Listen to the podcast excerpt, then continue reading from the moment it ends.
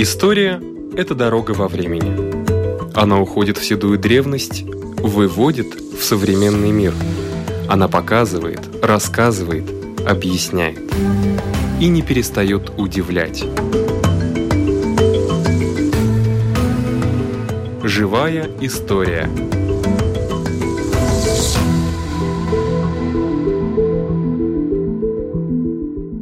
У микрофона Лидия Чера.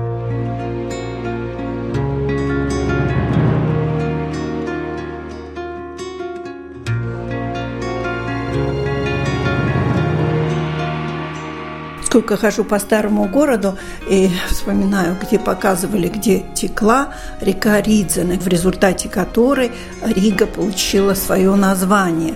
А вот интересно, куда она все-таки делась? Говорят, что закон сохранения вещества должен работать в любом случае. Значит, где-то эти воды, наверное, есть. Историк Ирина Стрелла. Вопрос действительно, где у нас пропала река Ридзене, потому что название есть город Рига, Ридзиня, Ридзене, а самой реки, когда мы ходим по городу Риги, особенно по Старой Риге, мы больше в Старой Риге ни одну реку не видим. Осталось только название Рига, Ридзене, Ридзиня.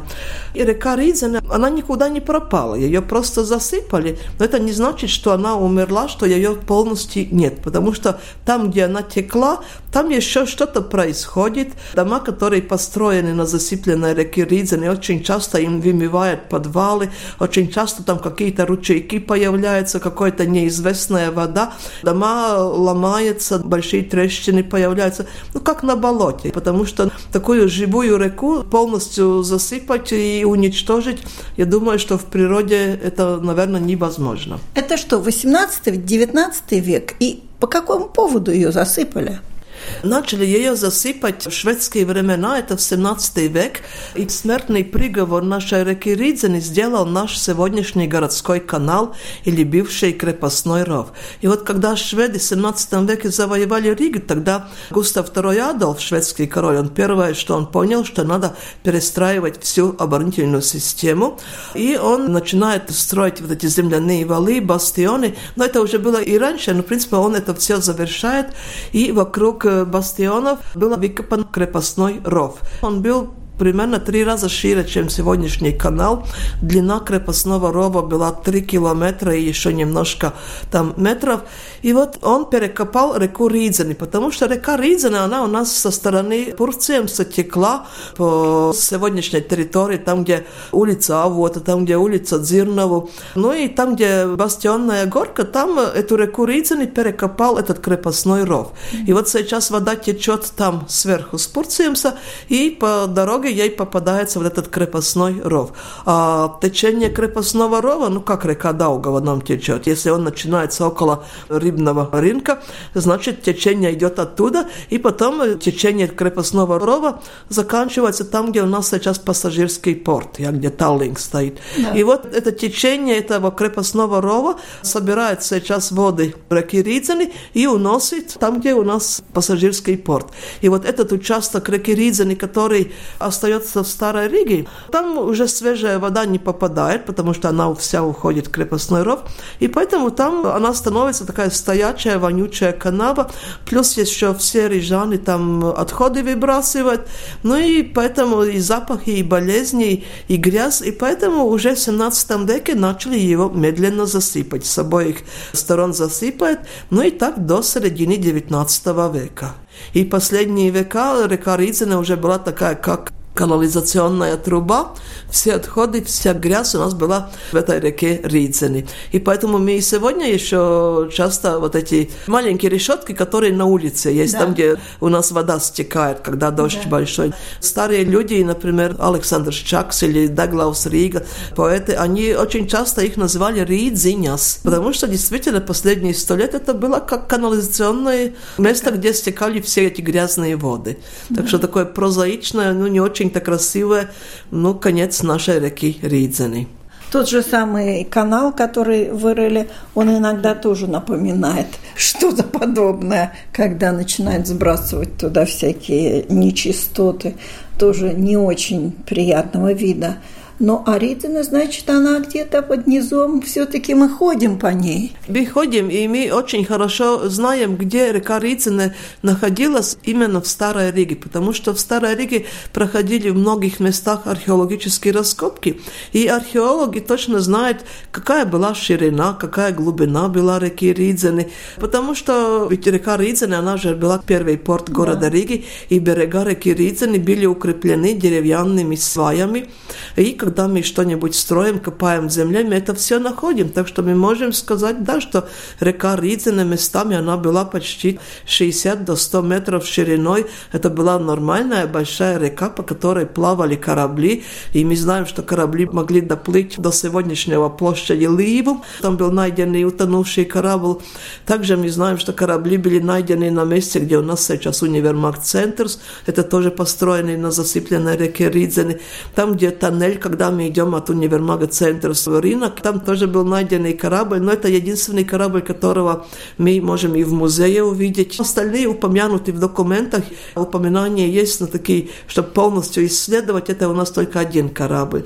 Так что не было такой маленькой речки, которая текла. Нет, большая река, это первый порт города Риги, находился на берегу реки Ридзены. И только в XIV веке, когда кораблев стало все больше и больше, тогда этот порт переходит на берегу реки Даугави напротив Старой Риги. Ну а третий порт города Риги, это у нас сейчас с Вантового моста до моря. Так что начало у нас на берегу реки Ридзены. Река всегда остается все-таки, где-то она себя показывает. Мне кажется, когда в Даугве поднимается вода, то и, наверное, и в Ридзене поднимается уровень воды. И это знают жители старого города по своим погребам наверняка. То, что у нас рядом река Даугава, и то, что если есть наводнение, если вода поднимается в Даугаве, я думаю, что древние рижане, конечно, они это все сразу почувствовали, и вода реки Ризани поднималась. Это также, что мы сегодня видим, когда мы идем вдоль городского канала, ведь есть у нас, когда у нас уровень поднимается там на метр, и уже кажется, что еще немножко, и будет уже улицы тоже под водой. Так что уровень воды, они же вместе связаны, и это все отражается на жизнь города Риги. Раз уж мы заговорили о старом городе, о старом городе, мне кажется, можно говорить вечно, всегда найти что-то новое. Какие свидетельства есть в старом городе? Может быть, самые старые здания?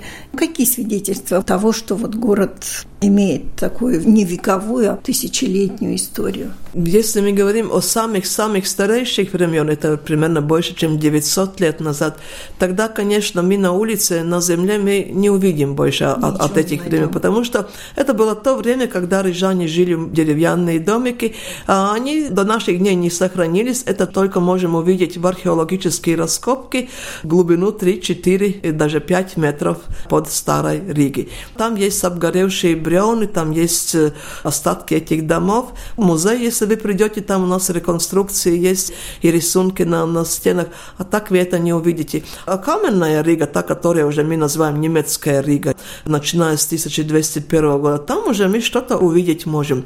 Очень мало, но немножко есть, потому что большинство то, что мы видим сегодня в Старой Риге, это все-таки 17, 18, 19 новые времена. А из старых времен это наши самые старые церкви, Домский собор, Якоба, Яня, Юра Базниц. И мы считаем, что самое старое здание, которое сохранилось, возможно, с 1202 года, специалисты говорят, что ну все-таки плюс-минус еще 20 лет, но это у нас церковь Святого Георгия, это вот конвента Сета, подворье конвента, и там вот это серое здание в стиле романики, там действительно очень много что еще сохранилось с начала 13 века. Те же самые наши церкви, Домский собор, там Якоба, Петра, они же пострадали несколько раз в войнах, наводнениях, в пожарах, и они несколько раз перестроены, там что-то сохранилось, конечно, подвалы еще много сохраняется, но именно на улице вот эти остатки средневековья, это ну, такие маленькие островки надо искать в Старой Риге. У нашего микрофона была историк Ирена Стрелла. И спасибо вам за экскурсию виртуальную по старому городу.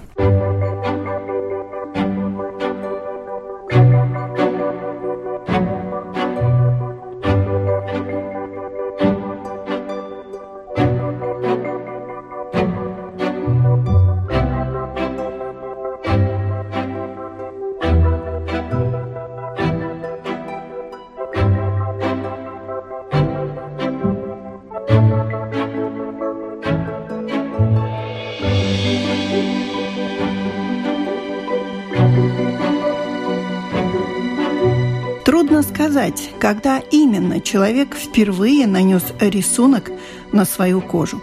Самые древние татуировки найдены при раскопках египетских пирамид. Мумиям около 4000 лет, но рисунки на высохшей коже хорошо видны. При первобытно-общинном строе татуировка служила не только украшением, но и знаком племени, рода, а кроме того наделялась определенной магической силой. Женщины японских аборигенов Айну татуировкой на лице обозначали свое семейное положение. По узорам на губах, щеках и веках можно было определить, замужем ли женщина и сколько у нее детей. Так и у других народов обилие узоров на теле женщины символизировало ее выносливость и плодовитость.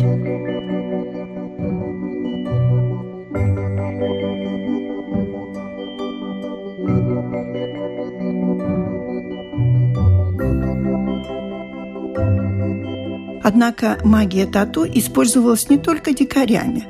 В XVIII-XIX веках британские моряки изображали на своих спинах огромные распятия в надежде, что это оградит их от телесных наказаний, широко практиковавшихся в английском флоте. У арабов самым надежным защитным талисманом считалась татуировка с цитатами из Корана. Во всех приведенных примерах татуировка так или иначе повышала социальный статус ее обладателя. В Древнем Китае одним из пяти классических наказаний была татуировка на лице. Также метили рабов и военнопленных, затрудняя им побег и облегчая их опознание.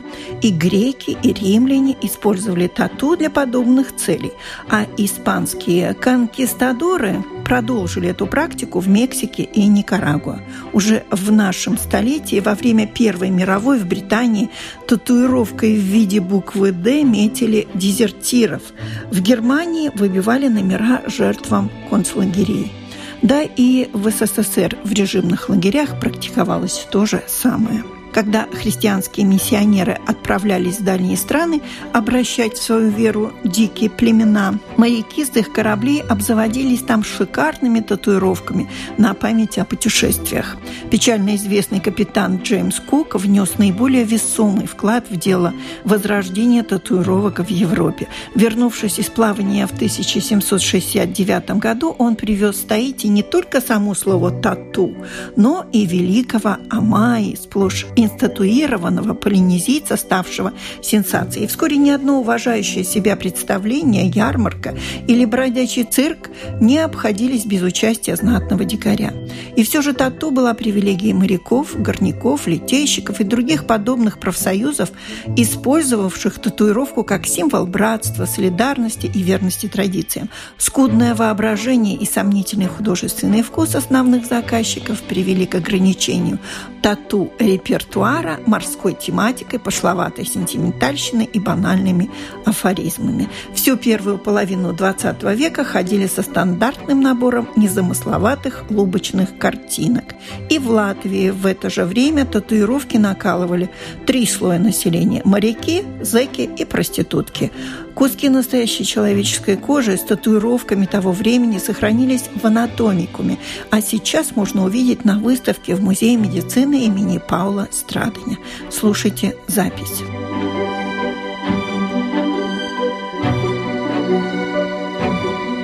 В Музее истории медицины имени Паула Страдания открыта небольшая выставка, но довольно занимательная. Она касается татуировок. И татуировки исторические, не те, что сейчас у нас в последние 10-20 лет очень популярны стали, а это исторические татуировки. Как давно вообще люди стали рисовать на себе? Organizātori выставки, autori этой jā, выставки. Jā, Ieva Lībieta.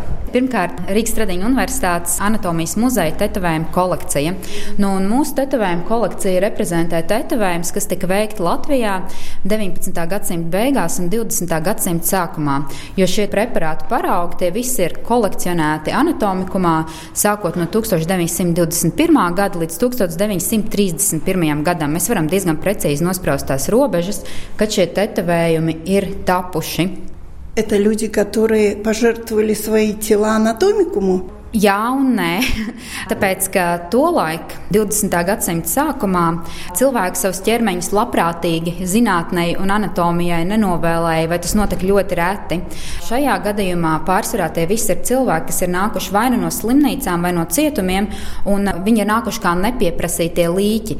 Neviens viņus nav vēlējies apbedīt, līdz ar to viņi ir nogādāti anatomikumā. Tāda bija tolaik pieņemta ar likumu noteikta prakse, ka visi līķi, kurus neviens negrib apbedīt, tiek nodoti anatomijas studijām. Nu, tad, lūk, šo cilvēku ķermeņi tika izmantot anatomijas apmācībai. Savukārt, anatomi, mēs nezinām īsti kāpēc, mēs varam tikai minēt, ir izvēlējušies arī novilkt šiem cilvēkiem ādas un saglabāt un eksponēt muzejā. Un tā līdz mūsu dienām šie tetovējumi ir saglabājušies. Nu, fragmenti koži или целая кожа? Fragmenti, jā, tikai šīs tetovētās vietas. Un tie tetovējumi ir nākuši nu, no kāda cilvēka. Noņemts tikai viens tetovējums, No citiem cilvēkiem mums ir pat veseli septiņi ādas gabali, kas ir noņemti no kāda viena individa. Как вы можете характеризовать эти татуировки? Наверное, моряки – это якорь, а есть еще а, какие-то признаки? Kas vispār to laiku tetovējas? Ja mēs paskatāmies presē, ko raksta, ka tetovējas trīs cilvēku grupas. Tie ir jūrnieki, tie ir cietumnieki un tās ir prostitūtas. Un šī mūsu kolekcija ir īpaša ar to, ka tā ir vienīgā neanonīmā kolekcija mūsu muzejā. Jo uz šiem tetovējumiem ir saglabāti tā saucamie līķu numuri. Un pēc šiem līķu numuriem mēs varam noteikt pēc līķu reģistra, kas ir šis cilvēks bijis, kāpēc viņš ir nomiris un no kurienes viņš ir atvests. Līdz ar to tīri tā statistiski skatoties, arī starp mūsu tetovēto ādu īpašniekiem tie ir bijuši pārsvarā cietumnieki, krimināli cilvēki un jūrnieki. Я знаю, что где-то говорили о том, что тюремщики, убийцы каким-то образом на своей коже тоже делали татуировки, количество убитых людей, например. Ja mēs runājam par tādu pēc tam padomju savienībā izplatīto tradīciju, kurā katrs simbols nozīmē kaut kādu īpašu kriminālu sasniegumu vai tās kriminālās kastes, kādas tolaik bija, tās esot sākušās tikai 30. gados Staļina gulagos. Bet es nevaru izslēgt, ka arī šeit kādam no šo ieslodzīto tetovējumiem ir bijis arī kāds tāds apslēpts simbols. Bet, principā, ja mēs skatāmies starp mūsu tetovējumiem, starp cietumnieku un starp jūrnieku tetovējumiem, ir ļoti mazas atšķirības atšķirības. Nu šeit, piemēram, mēs redzam jūrnieku. Šis jūrnieks ir miris psihiatriskajā slimnīcā no smadzeņu sifilisa. Un te mēs redzam šādas astoņas staras zvaigznes. Tas ir tāds polārs zvaigznes simbols, jeb jūrnieks zvaigzne, kuras tika tetovēts bieži uz pleciem vai citur uz ķermeņa. Un it kā norādīja to jūrnieka cerību, ka pateicoties tai polāra zvaigznē, viņš vienmēr var atrast ceļu mājup. Savukārt, ja mēs skatāmies šeit, kur mums ir noziedznieks, kas ar jūru nekādā veidā nav bijis saistīts, arī viņam ir šīs pašas astoņstara zvaigznes. Un tās astoņstara zvaigznes, starp citu, jā, pēc tam arī aiziet tālāk tajā kas saucas Vorvza koņa tradīcija, un arī tiek tetovēts jau pavisam ar citu nozīmi. Tā kā tie simboli ir nu, vismaz tajā 20. gadsimta sākumā ļoti līdzīgi gan cietumniekiem, gan jūrniekiem. Vienkārši tiem mainās tās simboliskās nozīmes. Attēls ir tas pats, bet tas apzīmē kaut ko citu. Prostitūtēm plikas sievietes? Lūk, no šiem mūsu preparātiem mēs tā nevienu prostitūtu identificēt nevarējām. Es domāju, ka prostitūtām droši vien bija kaut kas tāds, kas izdaiļoja ķermeni, lai viņas būtu patīkamākas saviem klientiem. Ziniet, tāds pārsteigums. Likas sievietes bija arī cietumniekiem un jūrniekiem. Nu, šeit, piemēram, šie cietumnieku tetovējumi, te ir viena dāmīte Jā. mēnesnīcā, otra dāmīte, kailas sievietes vai skaistas sieviešu portreti arī bija diezgan populāri simboli. Mhm. Bet polāra zvaigzne почти всюду полярная. Jā, звезда. ļoti, ļoti populārs. Tātad, nu, tā kā vispār, ka mēs redzam, mums ir uh, polāra zvaigznes, sieviešu tēli, ankuri, kuģi, sirdis, sveicienā sadotas rokas, arī kaut kādi reliģiski simboli. Tas ir tas biežākais, kas mums šeit atkārtojas. Nu, un jūrniekiem, protams, kur mēs varam redzēt jūrnieku tetovējumus, tur visiem arī ir uzraksti Boža Храни моряка. А техника татуировки mm. очень изменилась? Nu, šie visi ir ar roku veikti tetovējumi. Mašīnītes te nav izmantotas. Jūs redzat, tie tetovējumi ir diezgan naivi. Mēs neteiksim, Jā. ka tie ir mākslas darbi. Un tā tehnika, kas tika izmantota, bija viena vai vairākas adatiņas, kas tika savītas kopā. Ar adatiņām tika izdurstīts uz ādas vēlamais zīmējums, un tad adatas tika pamērcētas kādā pigmentā. Tie varēja būt vai nu tinte, vai sodrēji, vai cinobārs, kas ir sarkanā krāsā. Populārs bija tolaik lietots veļas balinātājs zilais, tā sauktās Berlīnas zilais. Nu, un tad šie pigmenti tika ierīvēti vai iebakstīti šajās sīkajās brūcītēs, un pēc tam ādā ieauga un saglabāja šo tetovējumu jau uz visu mūžu. Ох, наверное, сколько было заражений крови от такой mm. татуировки. Jā. Starp citu, jā, tas viens, par ko brīdina tolaik ārsti, ir uzmanieties, pie kā jūs tetovējaties. Latvijā nebija profesionāla salona. Ļoti liela iespēja ir, piemēram, inficēties ar sifilisu. Здесь вы показываете, какие категории людей делали татуировки. Сейчас татуировки делают практически все. Молодежь пытается быстрее вырасти, чтобы успеть сделать какую-нибудь звездочку или какого-нибудь феникса на всяких разных частях тела. Раньше это было только три категории. Tā mēs varam teikt, bet tas principā ir tikai jau 20. gadsimta sākumā. Jo starp citu, Krievijas impērijā tetovēšanās tradīcija bija diezgan populāra arī starp augstmaņiem. Piemēram, ceram Nikolajam II pašam bija puķu tetovējums uz rokas, uz apakšdēlu, ko viņš bija ieguvis no savu ceļojumu uz Japānu. Un, tā kā bija diezgan aristokrātijas vidū, Krievijas impērijā tas izplatīts, bet, kā raksta vēsturnieki, pēc revolūcijas šo tetovējumu sāk uzskatīt par tādu buržāzijas simbolu. Līdz ar to tetovējums principā tika aizliegts, un viņš saglabājās tikai tajās kategorijās, kā pie jūrniekiem, pie cietumniekiem, nu, cilvēkiem tādiem nekontrolējumiem, jeb ārpus likuma savā ziņā. И как долго продлится эта выставка? Izstāde būs skatāma līdz šī gada beigām.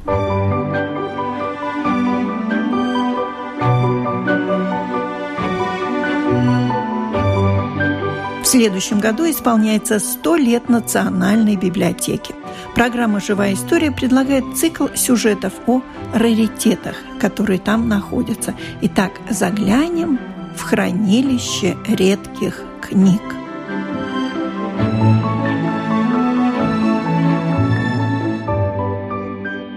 Историк Мартин Шмейнтаурс есть ли в ваших хранилищах книги, которые принадлежали раньше или каким-нибудь правительственным чиновникам, или, может быть, художникам, и которые пожертвовали свои библиотеки именно вот в ваше хранилище? Да, у нас, конечно, имеются такие книги, которые принадлежали, скажем так, не только политикам, но и видным деятелям культуры. У нас, к примеру, есть очень большая коллекция, которую нам подарил историк книги и книжных иллюстраций профессор Валдис Виллеруш, который преподает тоже библиотековедение и историю книги в Латвии. И это очень огромная коллекция, которая попала к нам сравнительно недавно, которая включает в себе как редкие ценные издания по истории латышской книги, начиная с печатных изданий перевода Библии на латышский язык конца XVII века, и также другие книги, которые, например, вышли в свет 100 или 150 лет позже, в конце XVIII века и в начале XIX, и которые сейчас являются редкостями именно потому, что они сохранились в очень маленьком э, количестве, несколько только экземпляров. Также у нас есть и часть библиотеки э, последнего президента Латвийской Республики Карлоса Улманиса, часть этой библиотеки, которая была сохранена в тогдашнем государственном архиве Латвии после того, как Улманис был арестован летом 40 -го года после его депортации. Но часть этих книг сохранилась, и они попали тоже к нам уже после окончания войны и теперь тоже доступны, доступны читателям. И по содержанию эти частные коллекции или отдельные книги с записями, которые свидетельствуют, что книга принадлежала, например, поэту Райнису или литератору Андрею Упитису или кому-то из других деятелей культуры, они к нам тоже попадают, и они попадают как раз в наш отдел, потому что они являются ценностями именно по этому историческому факту, что они явились частью библиотеки каких-то замечательных людей. И это уже вне зависимости от того, насколько старинное само издание, это может быть и издание 20 века, но, например, также и книги и рукописи знаменитого латышского поэта Улдиса Берзинча, который очень много занимался также переводами из разных языков на латышский язык и латышских текстов на другие языки, они тоже к нам попадают. Или эскизы архитектора Гуннара Биркерца, который показывает, как появилась эта идея, как она развивалась, идея постройки главного здания да, национального. Света. Да, замка света, да, откуда вся эта символика, которая происходит от Райниса, от пьесы Залта Зеркс и так далее, и так далее удовлетворите мое любопытство. Например, Карл Сулман, что он читал? От э, библиотеки Карла Соломонис сохранилась довольно небольшая часть. Там как раз попадает и такое сувенирное издание Гражданского кодекса, который был утвержден при его власти в конце 30-х годов. Но также и попадаются, например, подарочные сборники латвийских историков. Там происходила в 1937 году большая конференция в Латвии, Международный конгресс историков, и тогда вот такой тоже как сувенирное издание, как особенный подарок попал к нему. Отчасти те книги, которыми он пользовался, Карл Сулманс, он отчасти смог их э, забрать с собой, когда был уже советскими властями арестован. Но, к сожалению, большая часть этой библиотеки не сохранилась, и приходилось даже восстановить происхождение этих книг по каким-то деталям и по приметам, которые как бы косвенные улики тому, что эта книга могла принадлежать Улманису, потому что уже после войны в советское время, конечно, довольно отчетливо стирались всякие указания на того, кто был владельцем изначально этой или другой книги. Но там есть издания по латышской литературе современные для того времени, 20-е и 30-е годы. Но большую часть это такие или научные книги, или связанные с государственным делом, с управлением государством. То есть художественная литература практически Художественная литература есть, но там есть и латышская литературная классика, но это только одна часть этого. Я просто подумала, каким образом можно идентифицировать владельца книги с этой книгой. Может, листочек загибал как-нибудь да, или какие-то да, заметки можно, на Можно по заметкам, по так называемым маргиналиям можно определить. Ну, самое лучшее, если, конечно, сохранилось там экслибрис, который указывает точно на владельца книги, или какие-то дарственные надписи надписи, которые да. уцелели, не были стерты. Автограф, соответственно, тоже мог да, сохраниться? Автограф, конечно, да, автограф тоже. Потому что многие лет 50 назад они свои книги помечали, свои фамилии, то есть из библиотеки того-то и того-то. Это да, было так это принято. Тоже, да, это тоже такая традиция, которая восходит уже по меньшей мере к 18 или 17 веку в Европе, когда появились такие довольно обширные уже частные библиотеки, которые постепенно становились публичными. По аналогии с тем, что происходило и в музейном деле, что сперва мы имеем дело там, с частными коллекциями, где разного рода там интересные предметы, которые просто как курьезитет собраны, там часть скелета единорога или что-то такое тоже мифическое, фантастическое. И похожая история происходила тоже с частными книжными коллекциями, которые потом попадали по воле их собственников, попадали или в городской музей, или в городскую библиотеку, которая потом, в свою очередь, перерастала в национальную или государственную библиотеку. И эта традиция, конечно, восходит к аристократическому сословию общества. Там было принято и изготовлять эти экслибры, и просто от руки подписать свою книгу. Ну и постепенно эта традиция вошла в моду и в другие части общества. Я думаю, сегодня люди, которые покупают какую-то или особенно ценную книгу, или это подарок от кого-то, чтобы сохранить в память этот факт, что эта книга попала к нам как подарок или каким-то другим путем, вот надо поставить или свой автограф, или записать дату получения, приобретения этой книги и так далее. Такая традиция еще сохранилась. Наверное, будет еще сохраняться долго. Спасибо. У микрофона был историк Мартин Шмейнтаурс.